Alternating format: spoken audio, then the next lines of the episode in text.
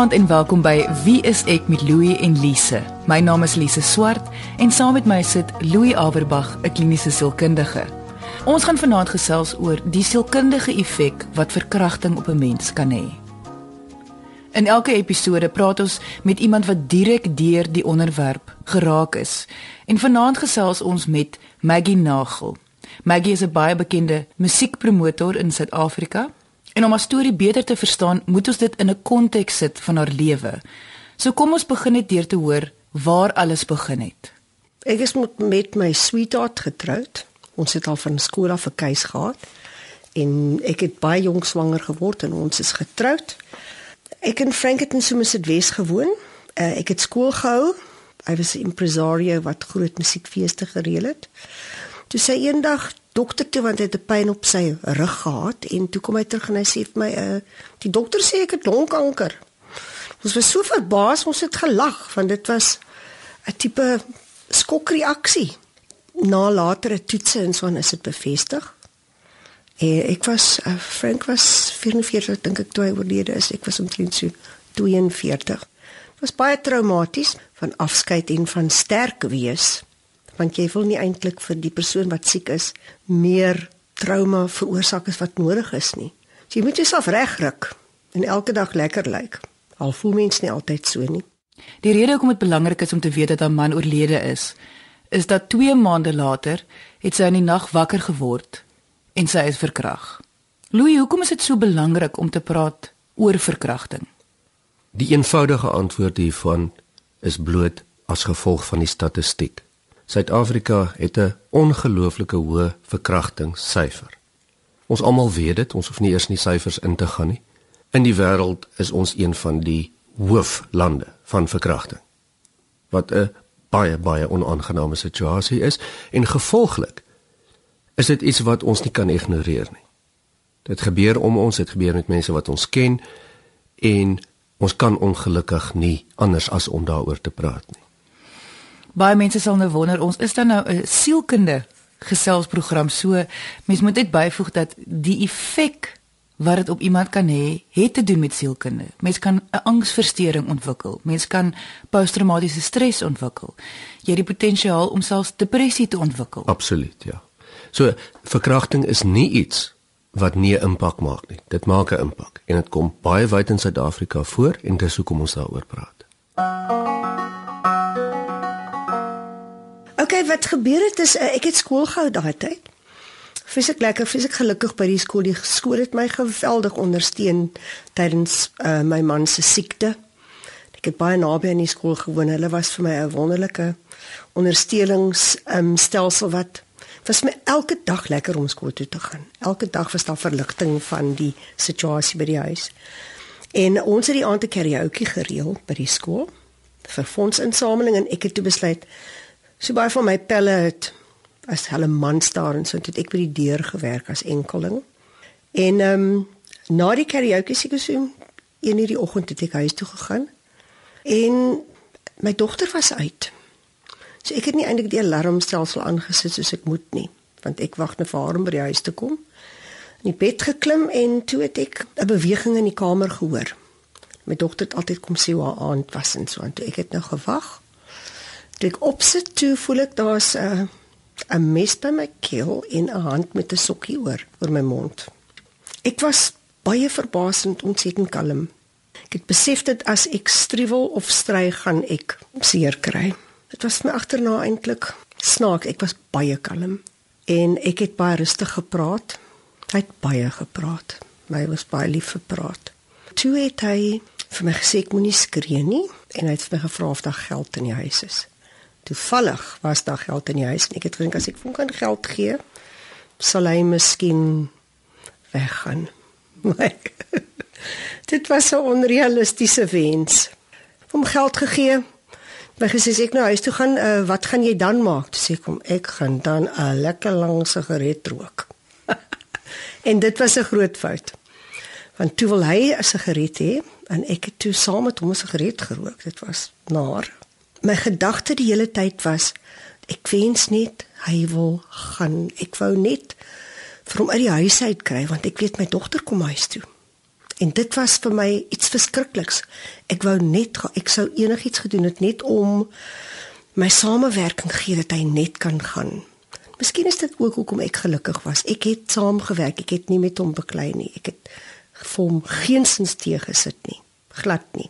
Maar ek wou nie gehad het Katrine moet by die huis kom nie. Sy is pragtig. Ek is hou antie van oor die 40. Ek weet nie wat hy haar sou aangedoen het nie.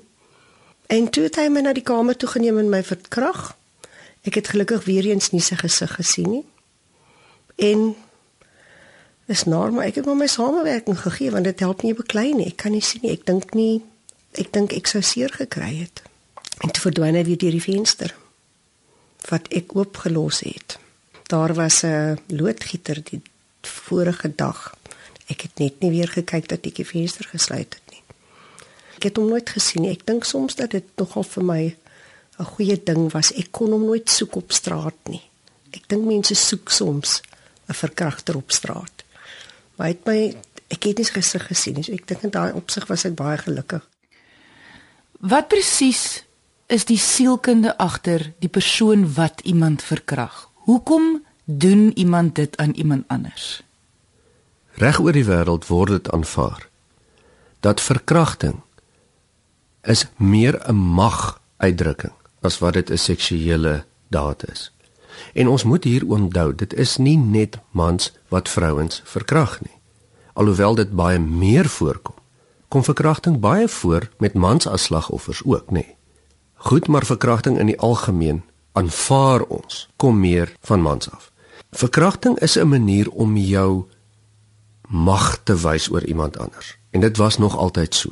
Dit is wel waar dat sekere verkragters oortree die wet as gevolg van seksuele redes, maar dis baie min. Dis meestal 'n magspel. En omdat mans fisies sterker is as vrouens, is mans wat dan wil hulle mag wys.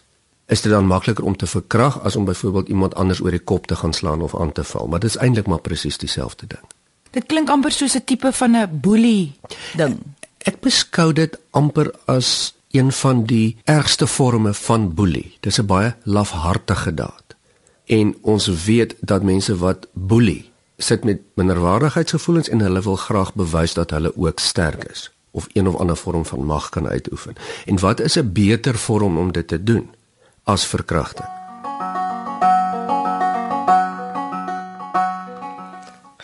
Ek het baie lank nie eers beweeg nie. Wat ek net opsit verstom was. Jy weet wat jy net amper dink, uh het ek nog gedroom of het dit werklik gebeur? En toe het ek gerook en ek wou met iemand praat, maar hy het my gesê hy het die telefoon afgesny en toe ek my selfoon wil gaan haal, toe sien ek dit het verdwyn uit my handsak uit aan die onderpunt van die bed. Dit verstom my altyd dat hy in my kamer was, dat hy hier ingekom het en dat ek niks gehoor het nie. Weet ek dink dit is miskien omdat ek net aan die slaap geraak het seker. Maar toe sien ek dat hy eintlik net die koord gesny het van die ehm um, telefoontjie by voordeur. Toe bel ek die persoon wat die verste weg is van my, my suster in Johannesburg, want hy het my gewaarsku hy gaan terugkom as ek om hulp roep. Sal hy terugkom en hy sal vir my seermaak en my mense. Toe bel ek my suster en ek het vergeet dat haar man was 'n lifeline counselor. So dit was 'n happy accident. En Bert het met my gepraat oor die telefoon terwyl Betty by ander telefoon my dogter in die strand gebel het. En hy is so kalm persoon en hy's natuurlik nou opgelei daarvoor. So hy het my rustig en kalm gehou tot my dogter gekom het en vir my gesê die ou gaan nooit terugkom nie. Jy hoef regtig nie bekommerd te wees nie. Dit is 'n leë dreigement. Hy gaan sorg dat hy vir my die voete uitmaak. En my dogter daar aangekom en my suster het ook my maale gebel en my broers en skielik was daar 'n klomp mense veral by die polisiekantoor. Ek het geglo mense moet dit onmiddellik rapporteer. En ek dink dit is een van die eerste goed wat my gehelp het was om die regte ding te doen. Ek het gevoel ek moet dit gaan rapporteer. Die polisie moet daarvan weet al vang hulle die ou nooit nie. Dis nog 'n statistiek en ek hou van statistiek. So dit was ook ek het onmiddellik gevoel ek is nou iemand uh, on a mission. Ek gaan nou polisie toe en ek gaan dit nou rapporteer. En toe kom almal polisie kantoor. Die polisie was verstom 3:00 die oggend. Sy mense daar. Ek het ek het nooit gehuil nie. Maar ek soos ek sê, ek dink altyd dit het miskien iets te doen gehad ook met die feit dat ek baie bewus was van ehm um, myself in toom hou na my man se dood of met met my man se siekte wat 'n mens vir jou jou inhou. Die polisie was baie verbaas dat ek bereid was om dit met 'n man te bespreek wat gebeur het en hulle het net gesê, "Wow, asseblief, ons kry nou iemand." Toe hulle 'n vrou, 'n polisievrou gaan soek. En kort na haar het iemand van Rape Crisis daar aangekom. Toe het hulle my daarvandaan is ek na die Rape Crisis Centre in. Ek was ontsettend beïndruk met hoe hoe baie moeite hulle gedoen het om dit vroulik en vriendelik te laat lyk en daar het ek my eerste koppie koffie gekry. Ehm um, waarna ek gesmag het en 'n baie fantastiese dokter het ook vir my kom sien en ondersoek gedoen. Dit is blykbaar baie belangrik dat dit so gou as moontlik gedoen moet word. Monsters probeer neem en met my gesels en gedurig deur het hierdie mense wat daarmee werk 'n baie kalmerende invloed gehad om te probeer, fokus op hoe 'n mens kan voortgaan eerder as om hysteries te wees. Dit werk nie om hysteries te wees nie. Ek het gedink hy was miskien by die skoolfunksie en dat hy gesien het ek het die geld maar sy hoofdoel was nie die geld nie. En soos ek dit sien is verkragters dis eintlik dit is glad nie 'n seksuele daad nie. Dit is 'n daad van krag en van van mag en oorheersing. Dit gaan nie eintlik oor seks nie, dis net die die ergste manier waarop 'n mens 'n vrou kan verneder. So dit is waarop hulle gaan. Dit is nie oor die eintlike seksuele dade sulks nie. Jy luister na Wie is ek met Louie en Lise. Verkrachting is seker die daad wat die meeste beheer van iemand anders kan wegneem. Daarom is die kern van verkrachting is beheer wat weggeneem word. Maar daarin lê ook die antwoord opgesluit om beheer terug te neem. En wat weet ons van beheer? Ons weet van beheer dat dit nie gaan oor dinge waaraan jy niks kan doen nie. Verkrachting kom voor. Dit het nog sover as wat die mense bestaan is nog altyd voorgekom. Ons kan niks daaraan doen nie dat dit met jou gebeur nie. Maar as dit dan gebeur, lê die antwoord in wat kan jy beheer en wat kan jy nie. So met ander woorde jou beheer terugneem. Jou beheer moet terugneem word want iemand het gekom en jou beheer weggevat. En hoe vinniger jy daai beheer kan terugvat, hoe beter. Nou weet ek. Dit is baie maklik vir ons om te sit en gesels hieroor. Dit is baie maklik vir my om hieroor te gesels sal mense dalk sê want ek is 'n man, ek sal nie verstaan nie en hulle is ook reg. Dat, dat ek dink vir mans is daar 'n sekere deel hiervan wat ons tog nie kan verstaan as 'n vrou deur verkrachting gaan nie, nê. Nee. Ja. So vanaand gaan nie daaroor dat ons ons teoreties slim wil hou nie, maar wat ons wel kan sê is dat beheer is alles, veral met verkrachting. Kan mens sien wat Maggie gedoen het dat sy dadelik polisie toe gegaan het as beheer vat in haar wat hoe sy gevoel het om beheer te vat? Maggie het ekstreme beheer gevat oor alles wat sy kon gedoen het. En ek dink dis dan een van die groot redes hoekom ons dan vanaand na Maggie kan luister. En sy kan vir ons vertel hiervan sonder dat dit haar nou meer vreeslik ontstel. Want sy het absoluut beheer gaan vat. En die eerste ding wat sy gedoen het, sy het gesê nee magtig. Nou bel ek mense. Ek praat met die Rape Crisis Center en ek gaan na die polisie toe. Nou gaan ek optree. Ek kon nie nou nou optree nie, want ek kon nie. Maar nou gaan ek.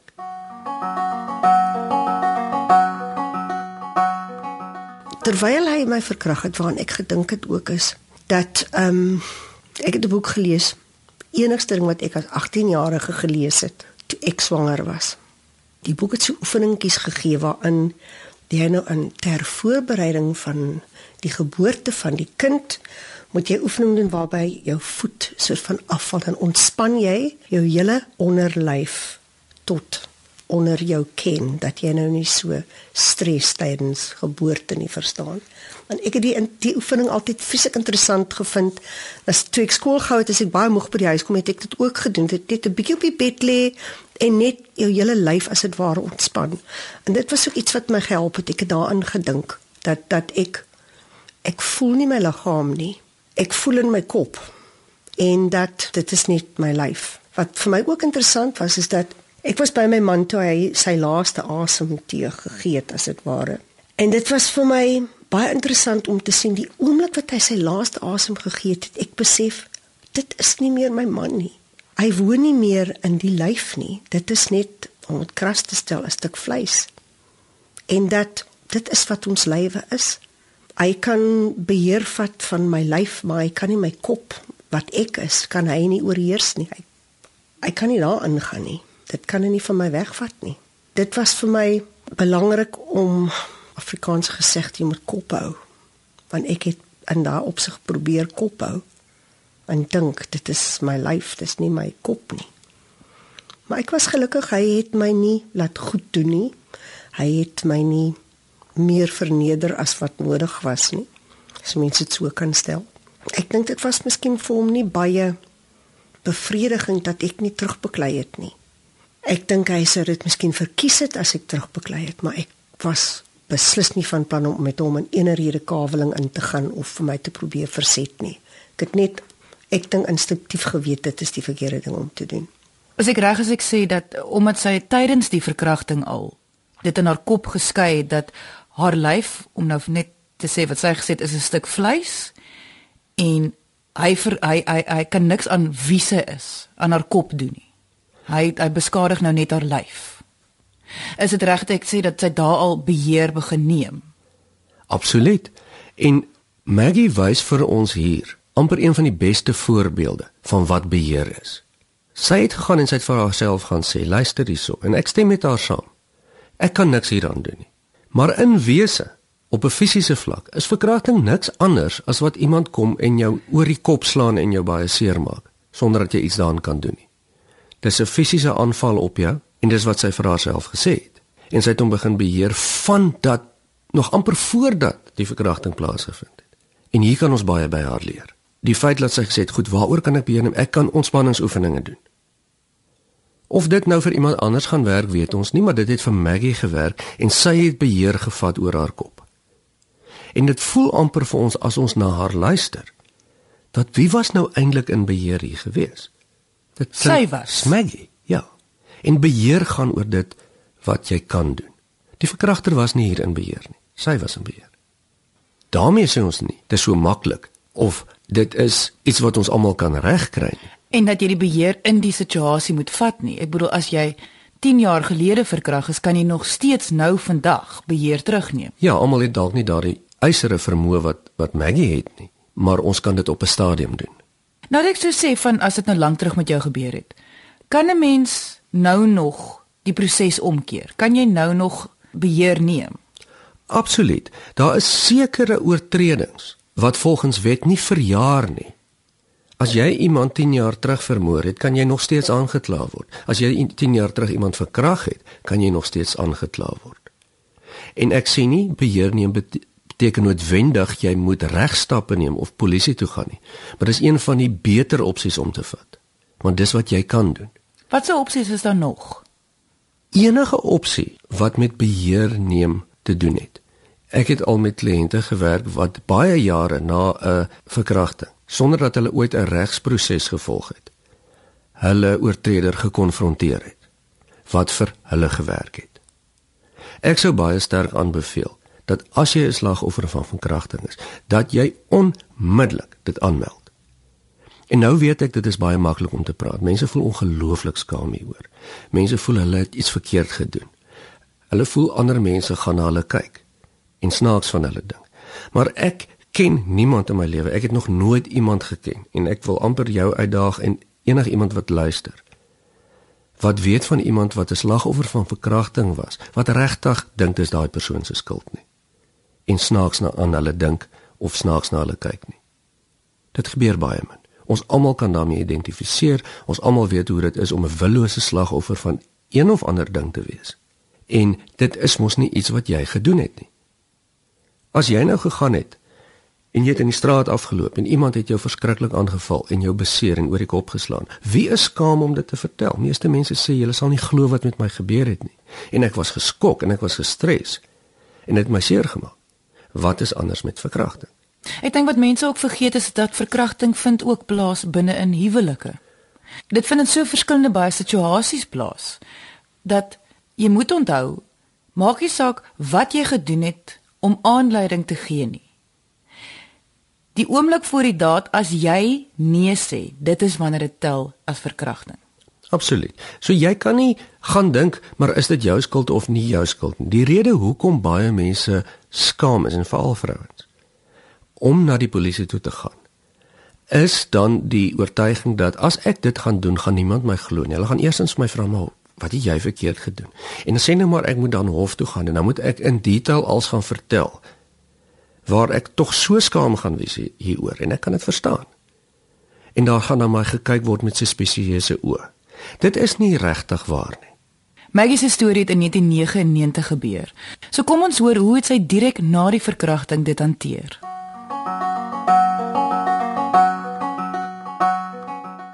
Ja, ek was bang.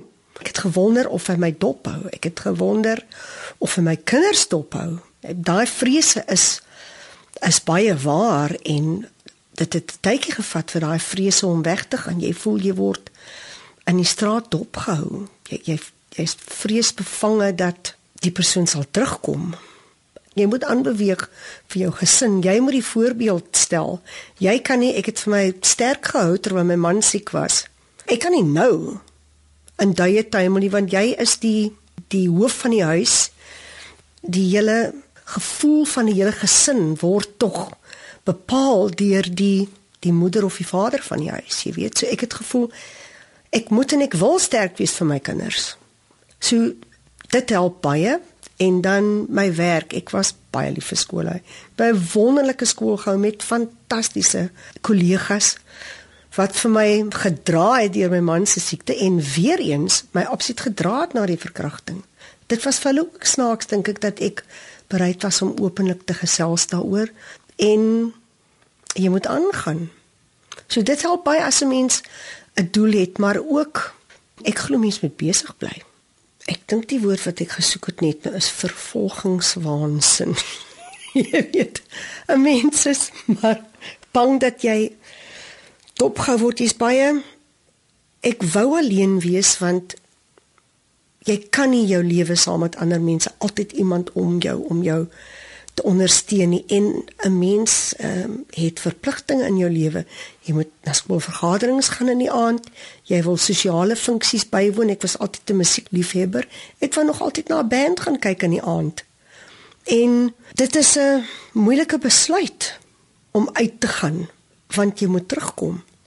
In die begin het ek my sekuriteitsmaatskappy gebel Hulle het vir my gesê jy kan enige tyd bel, ons sal vir jou help. Dan lei jy skielik weer eens. Maar wat?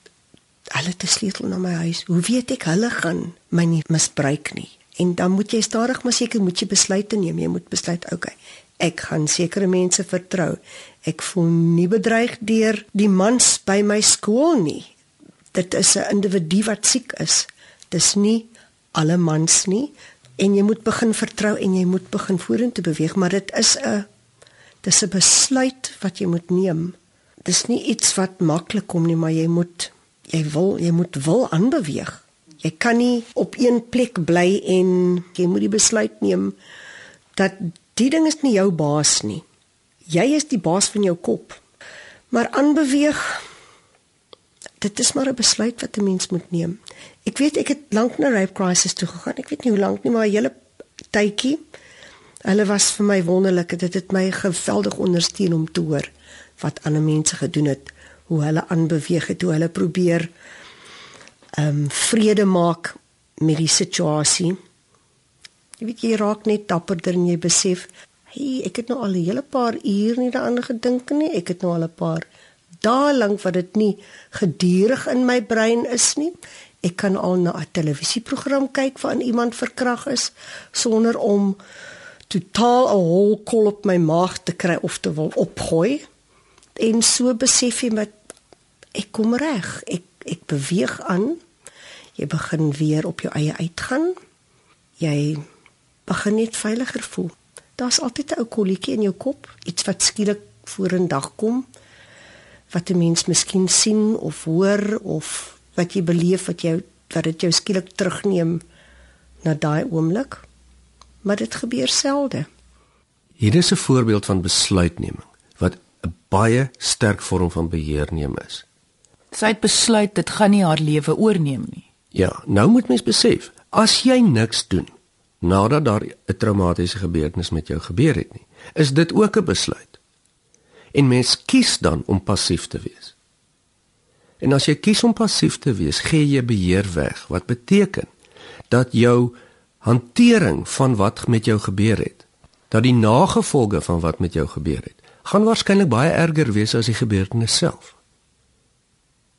En ek vergelyk altyd hierdie trauma met 'n eenvoudige voorbeeld van jy wat by die straat afloop en een van die honde by die buurhuis spring oor die draad en byt jou verskriklik erg. Wat gaan jy doen en wat gaan jou ervaring wees? Jy gaan mos bang wees vir die hond. Ons gaan jou mos nie kwaadlik neem as jy baie bang is vir honde nie. Ons gaan jou nie kwaadlik neem as jy die volgende dag nie eers by jou voordeur wil uitgaan nie. Dis mos logies. Ja. Maar een of ander tyd sal jy 'n besluit moet maak. Of jy gaan die res van jou lewe in jou huis bly, of jy gaan 'n ander roete werk toe vat, of jy gaan weer verby daai huis loop, hierdie keer wetende darm dat die hond nie daaroor kan spring nie. Maar as jy niks besluit nie, besluit jy ook om niks te doen nie.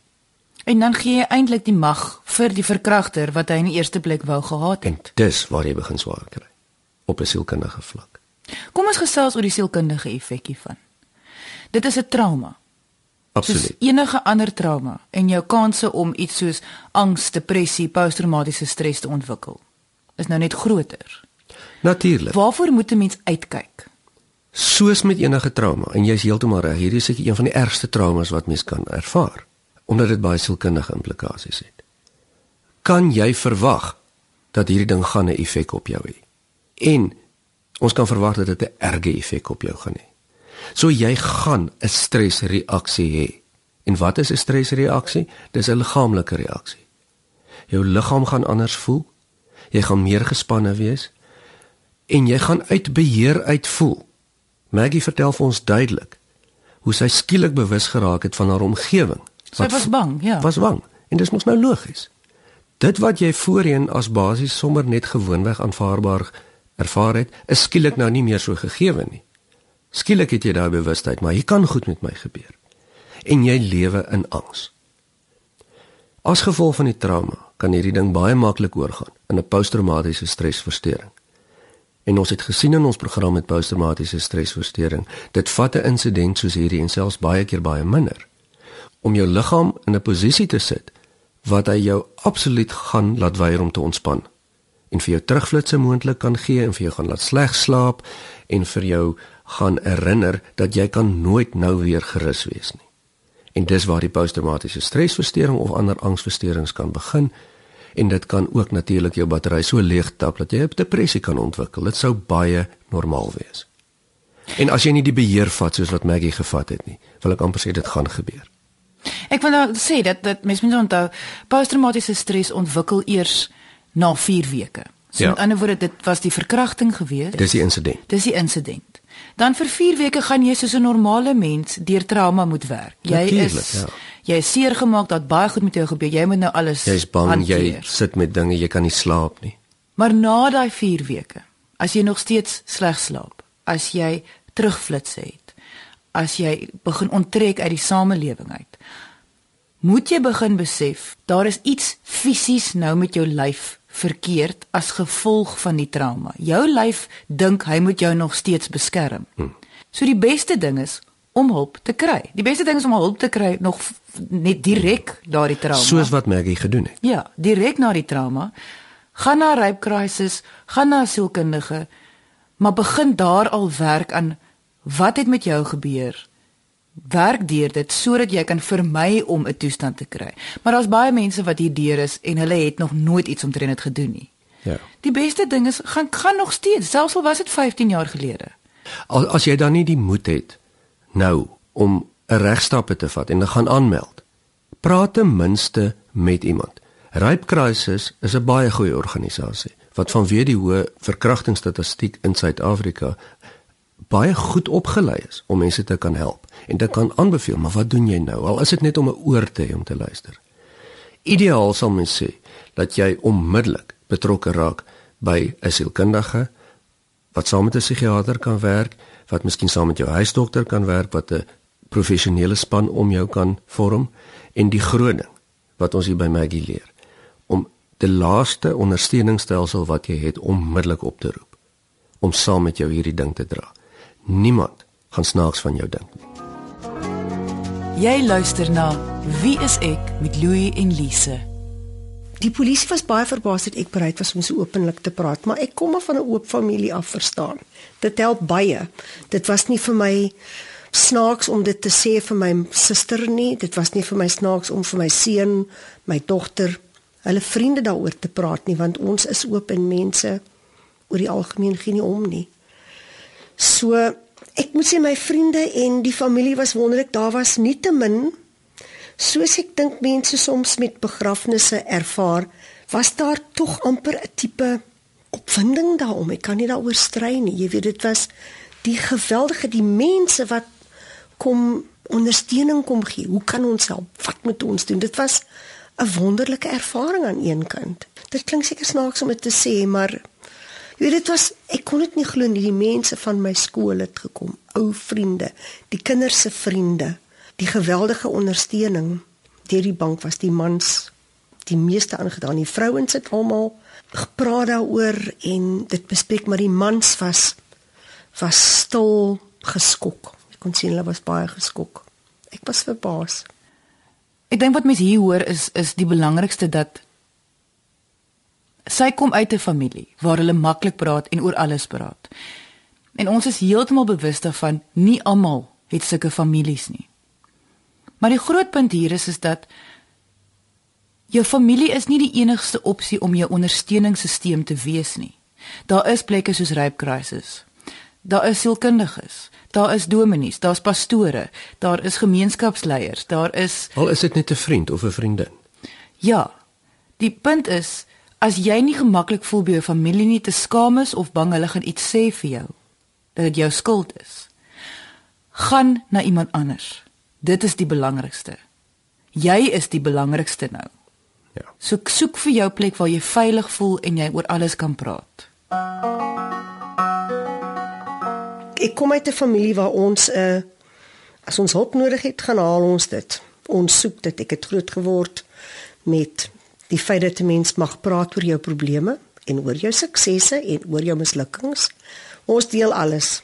En dit help dat jy kan praat met mense.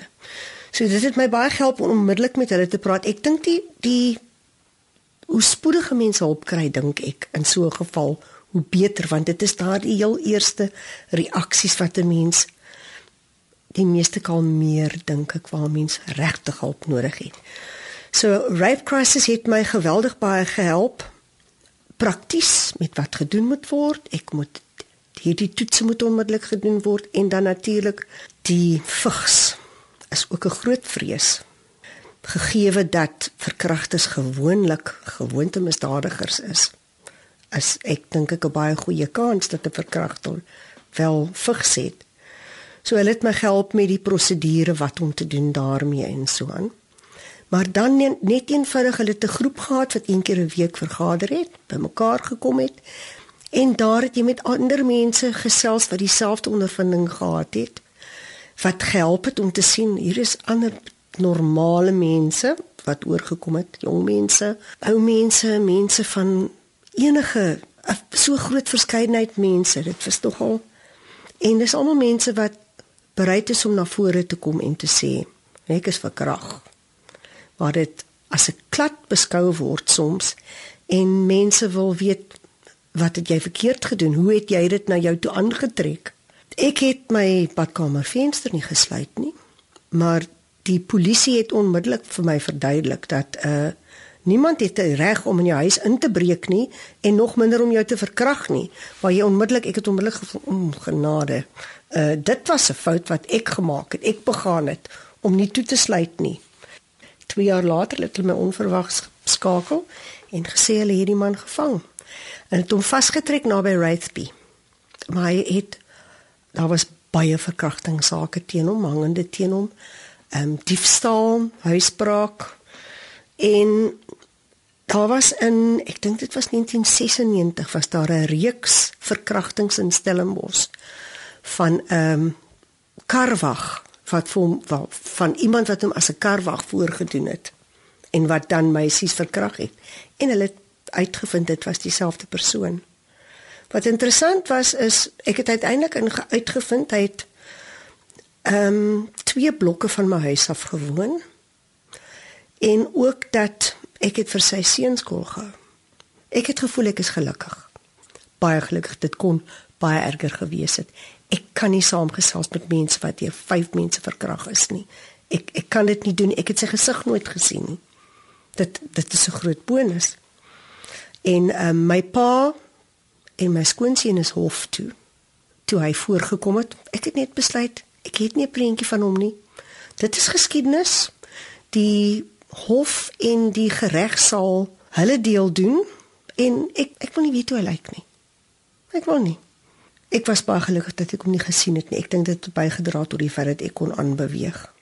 Die kern van wat ons vanaand hoor by Maggie is dat sy vir ons baie duidelik sê. Sy is nie 'n slagoffer nie. Sy is nie iemand wat rondloop met 'n identiteit as 'n verkragte persoon nie. Dit het niks met haar te doen nie. Dis nie wie sy is nie. Dis nie haar identiteit nie. Dit is iets onaangenaams wat met haar gebeur het. Soos wat mense ongeluk het wat jy jou been breek, soos wat sy haar man verloor het aan die dood wat ook geweldig traumaties was en sy sê vir ons dat baie dinge in haar lewe gebeur wat baie erg was. Maar dit sê nie vir haar wie sy is nie. Wie sy is is hoe sy dit hanteer het. Daar's vreeslik baie dinge in die lewe wat ons eintlik niks aan kan doen nie. Maar wat ons alles aan kan doen is wat ons maak met wat met ons gebeur. En dit gaan dan bepaal is ons slagoffers of is ons mense wat beheer neem. Al is dit ongelooflik moeilik al vat dit ons 10 jaar. Ons elkeen werk op ons eie pas. Dit mag nie deel word van jou identiteit nie want dit is nie. Dit is 'n nare ding wat gebeur jy voel natuurlik misbruik.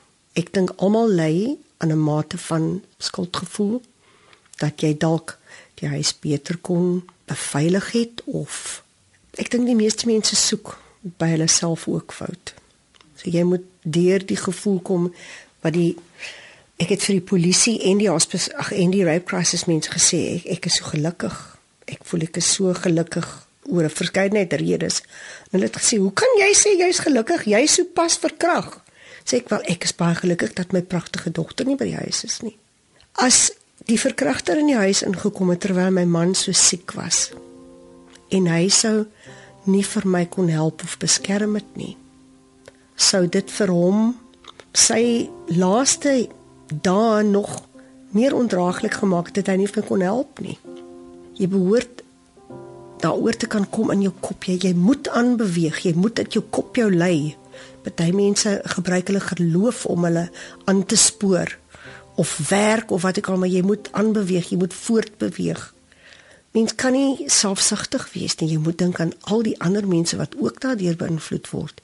Jou gesin, jou familie, jou werksmense, almal word dit is soos 'n 'n brandertjie wat uitbeweeg en baie ander mense word daardeur beïnvloed en hoe jy dit hanteer affekteer die mense rondom jou. As jy uitmekaar uitval en ten gronde gaan, dan los jy klomp hoopies langs jou. Jy probeer sterk wees en kyk hoe jy daaruit kan leer en wat jy daaruit kan kry, dan hopelik tel jy klomp mense langs jou op. En dit is nie die ergste ding wat met my gebeur het nie om verkragt te word nie. Dis nie die ergste nie. My eerste man was ontrou aan my. Dit, dit was baie baie seerder as verkrachting. Ek is bereid om dit te sê. Dit is verkrachting is jou liggaam. Iets wat met jou gebeur waaroor jy geen beheer het eintlik nie, waar iets anders vat aan 'n mens se mens wees. Vir my is dit 'n groot verskil. Sy's baie realisties hieroor. Sy sê, "Goed, kom ek staan weg en ek kyk na my hele lewe." En wat sien ek? Ek sien en ek erken hier is 'n baie slegte insident in my lewe. Maar as ek oor my hele lewe kyk, is dit nie alles waaroor my lewe gaan nie. Daar's baie ander positiewe goed. wat sê sit ek hierdie goed in perspektief. Is dit nie nodig dat dit alles oorneem nie. Daar's nog baie ander goed waarmee ek kan werk en wat ek iets mee kan doen en wat ek voor kan leef. Die punt hier is om die sin en die en dit wat jy hier uitkry vir jouself te besluit. Jy moet jou eie positiewe vind. Jy moet, want dis hoe ons deur die lewe kom. Ons het nie 'n ander keuse nie. En jou groot voordeel is as jy dit nie self kan regkry nie. Daar is honderde mense wat opgelei is om vir jou te help om daarby uit te kom, ja.